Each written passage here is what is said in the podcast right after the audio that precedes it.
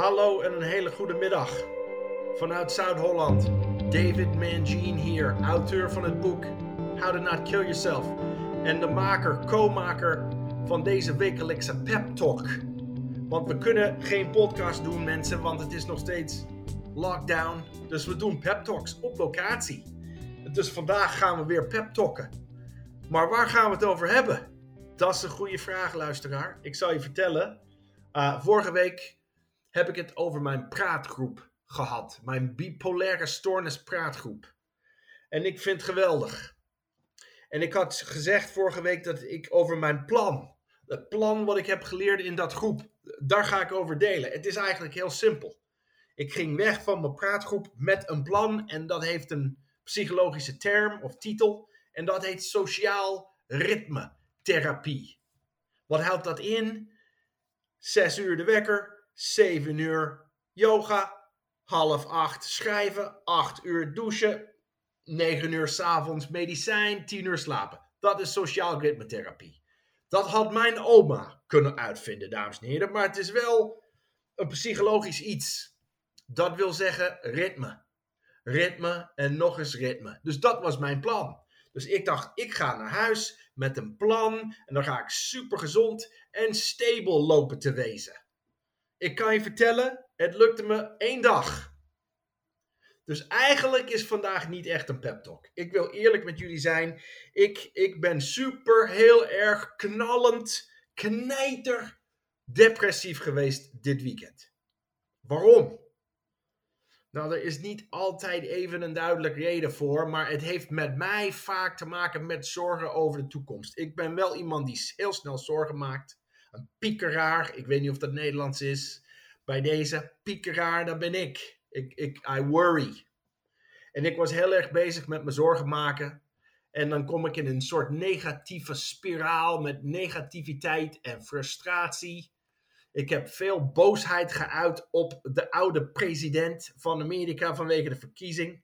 Ik vind het belachelijk. Bla, bla, bla, bla. Dat leidt in mijn geval tot ruzie met mijn partner, die er helemaal ziek van wordt. Oftewel, het wordt gewoon een beetje te veel om naast, samen naast mij op de bank te zitten.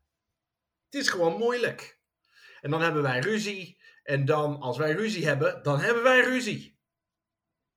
Het is echt gold medal ruzie maken wij. Daar ben ik trots op eigenlijk. Dat heeft alles te maken met liefde.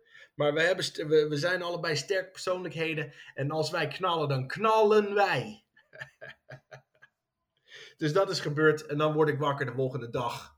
En ik kan mijn bed niet uit. En ik wil niks. En ik kan niks. En ik ben niks. Zo'n gevoel. Als je dat ooit hebt gevoeld, dan weet je precies wat ik bedoel. Depressie is bijna niet te beschrijven, maar ik kan niks. Uiteindelijk weet ik, ik moet weer terug naar dat plan. Daarom hebben wij een plan in het praatgroep. Om in de donkere dagen of de manische dagen voor, voor bipolaire mensen. Dan ga je naar je plan om weer dat ritme in. Zaterdag lukte dat me niet. Ik was zielig in mijn bed, een doodvogeltje. Zondag dacht ik, nou ja, laatste dag van de weekend gaan we er hier iets van maken. En ik heb echt mijn best moeten doen om niet weer naar beneden mijn gelijk te gaan halen. Want dat doen wij mannen vooral heel goed. En ik begon ermee. Ik zal eerlijk zeggen, ik begon met gelijk halen en boos zijn en ruzie maken. En ja, ik ga jou laten zien. Nee, nee. Gewoon rustig in en ademhalen. En weer terug naar mijn plan. Dus wat is de structuur van de dag? Als ik die volg, langzaam maar zeker kom ik eruit. Ik moet zeggen ook, ik, had, ik dacht heel veel aan alcohol en verdovende middelen.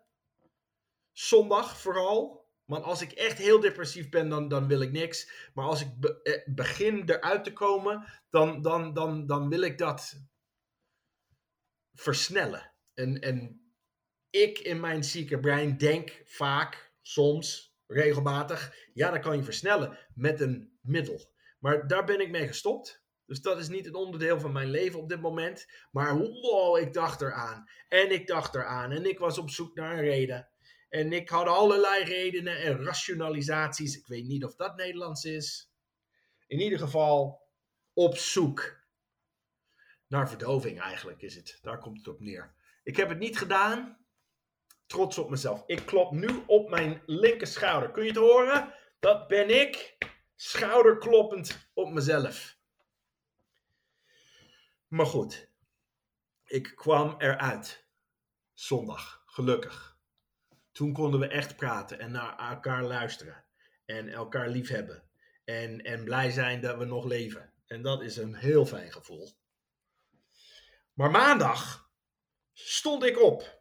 En, en, en, en, en ik dacht, ik, er moet iets gebeuren hier. Ik, ik ben een man van extremes. Ik, alles wat ik doe, doe ik met een intensiteit die, die, die niet normaal is. Dat weet ik van mezelf. Alles of niets. En, en mijn vriendin is al drie weken bezig. Dominique is al weken bezig met intermittent fasting. En het gaat hartstikke goed. Ik merk aan haar dat ze meer energie heeft, dat ze gezonder eet, dat ze afvalt, dat haar haar heel mooi eruit ziet, die krullen. Ah oh man, ik zie het gewoon. Het is niet te vermijden dat het, dat het, dat het, dat het helpt. En voor mij de insteek of de aanleiding is dat zij mij een artikel heeft gestuurd over depressie en intermittent fasting.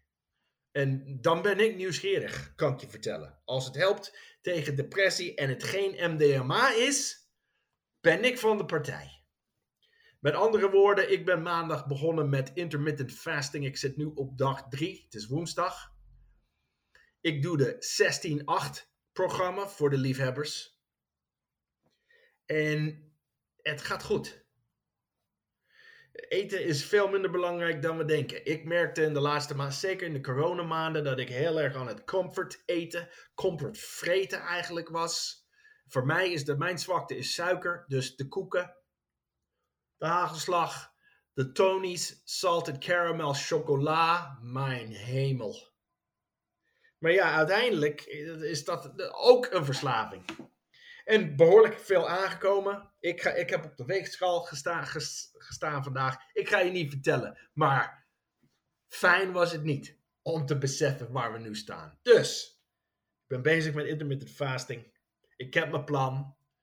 En ik denk dat mijn boodschap in de pep talk vandaag is: al heb je een plan, al ben je bezig met een gezondheidsprogramma, al neem je medicijn, al ga je naar therapie, al ga je wandelen, al heb je hele lieve mensen om je heen, toch als je bipolair bent, kom je in een depressie. Kan niet anders. En dat is prima. It's okay to not be okay. Zolang je weer naar je plan gaat uiteindelijk. En weg van de, van de gedachten over zelfdoding. En, en hele donkere, enge gedachten. Gewoon weer naar je plan. Dat heb ik gedaan. Nu voel ik me prima. Ik ben stabiel. Ik ben met jullie aan het praten. Ik heb leuke dingen in mijn leven. Ik ben weer verliefd op het leven. Dus, de podcast heet How to Not Kill Yourself. We doen nog steeds wekelijkse pep talks. Als je het leuk vindt, subscribe mensen. Deel het met je vrienden, met je familie. Vertel de wereld dat wij hoopvolle gesprekken voeren over mentale gezondheid. Dankjewel en tot volgende week. Hoi!